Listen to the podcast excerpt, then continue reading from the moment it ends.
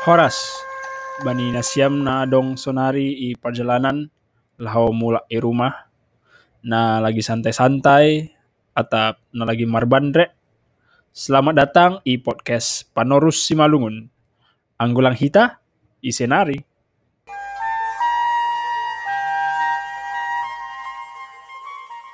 Di episode pertama, Hita sudah belajar kata-kata dalam bahasa Simalungun untuk dipakai sebagai subjek maupun objek dalam kalimat. Sedikit Hita ulangi yang kita pelajari sebelumnya.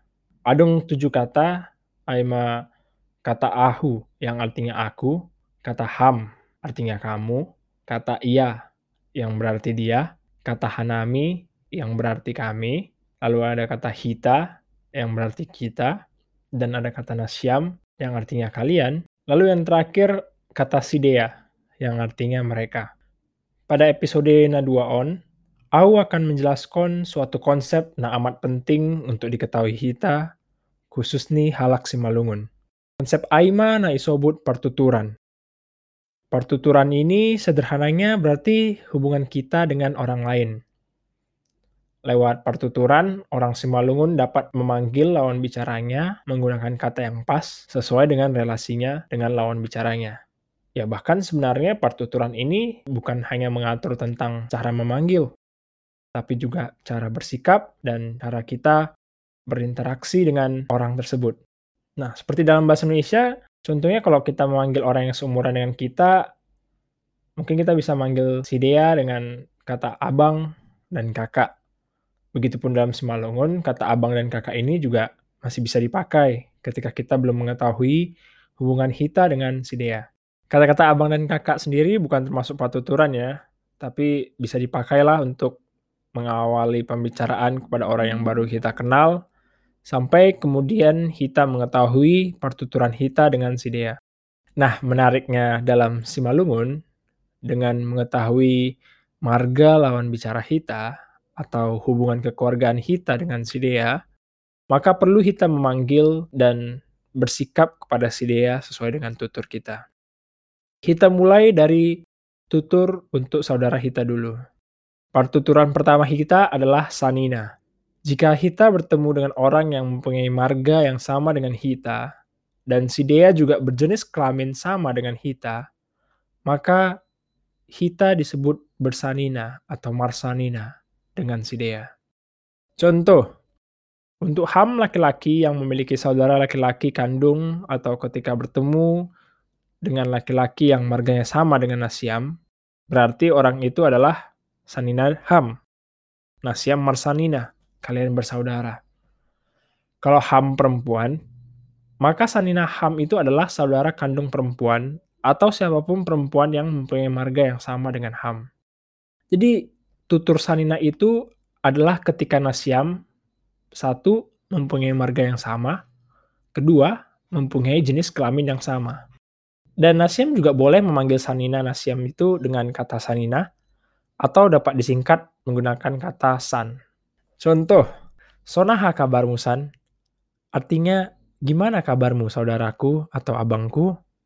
Kira-kira begitu jika diterjemahkan. Untuk menjaga kesantunan dalam Simalungun, jika orang itu berumur lebih tua dari Hita, lebih baik Hita tetap memanggilnya abang atau kakak, atau bahkan bapak atau inang. Ya, tentunya supaya lebih sopan terhadap yang lebih tua. Kemudian pertuturan yang masih seputar persaudaraan ialah boto. Jika Hita bertemu dengan orang yang mempunyai marga yang sama dengan Hita, dan si Dea berjenis kelamin yang berbeda dengan Hita, maka Hita berboto atau marboto dengan si Dea. Mirip sekali sebenarnya dengan tutur Sanina. Yang membedakannya hanya ketika orang tersebut berbeda jenis kelamin dengan Hita. Contohnya, jika Ham laki-laki dan memiliki saudara kandung perempuan, atau bertemu dengan perempuan yang memiliki marga yang sama dengan Ham, maka si Dea, perempuan itu, adalah Boto dari Ham. Nasiam boleh memanggil Boto dari Nasiam dengan kata Boto, atau singkatnya memakai kata Bot. Contoh, Bot, ijado rumahmu, yang artinya kakakku atau saudariku, di mana rumahmu? Sekarang kita sudah tahu dua tutur untuk memanggil saudara kita yang bermarga sama dengan kita. Tapi bukan berarti cuma tutur itu saja yang kita pakai untuk memanggil orang-orang tersebut. Karena kita juga harus mengetahui hubungan mereka dengan orang tua kita, atau pasangan kita, atau saudara kita. Pertuturannya dapat berubah dengan kita mengetahui itu, dengan adanya hubungan itu. Pertuturan itu banyak banget, dan kadang bisa menjadi sangat rumit semakin jauh relasi kita dengan orang-orang. Walau demikian, pertuturan itu benar-benar penting dan membuat kita menjadi halak Simalungun yang melestarikan budaya Simalungun. Kita akan kupas pelan-pelan ya di episode-episode selanjutnya. Aimalobe untuk episode kali on, tiap episode ibu singkat, asing mudah ipahami nasiam. DT Tupa Mabani Nasyam, Nadoma Setia mendengar podcast on. Melalui podcast on, kita, terutama Ahu, sama-sama belajar. Dan Angguadong Hasomanta, teman-teman, abang kakak, bapak inang yang mungkin memiliki saran tentang topik-topik yang ingin dibahas selanjutnya, bisa dengan berkomentar di sosial media. Adong do akun Instagram ta, gorani at Panorus Simalungun. Podcast Panorus Simalungun akan terus tayang setiap hari Minggu. Sampai jumpa di episode podcast selanjutnya. Horas.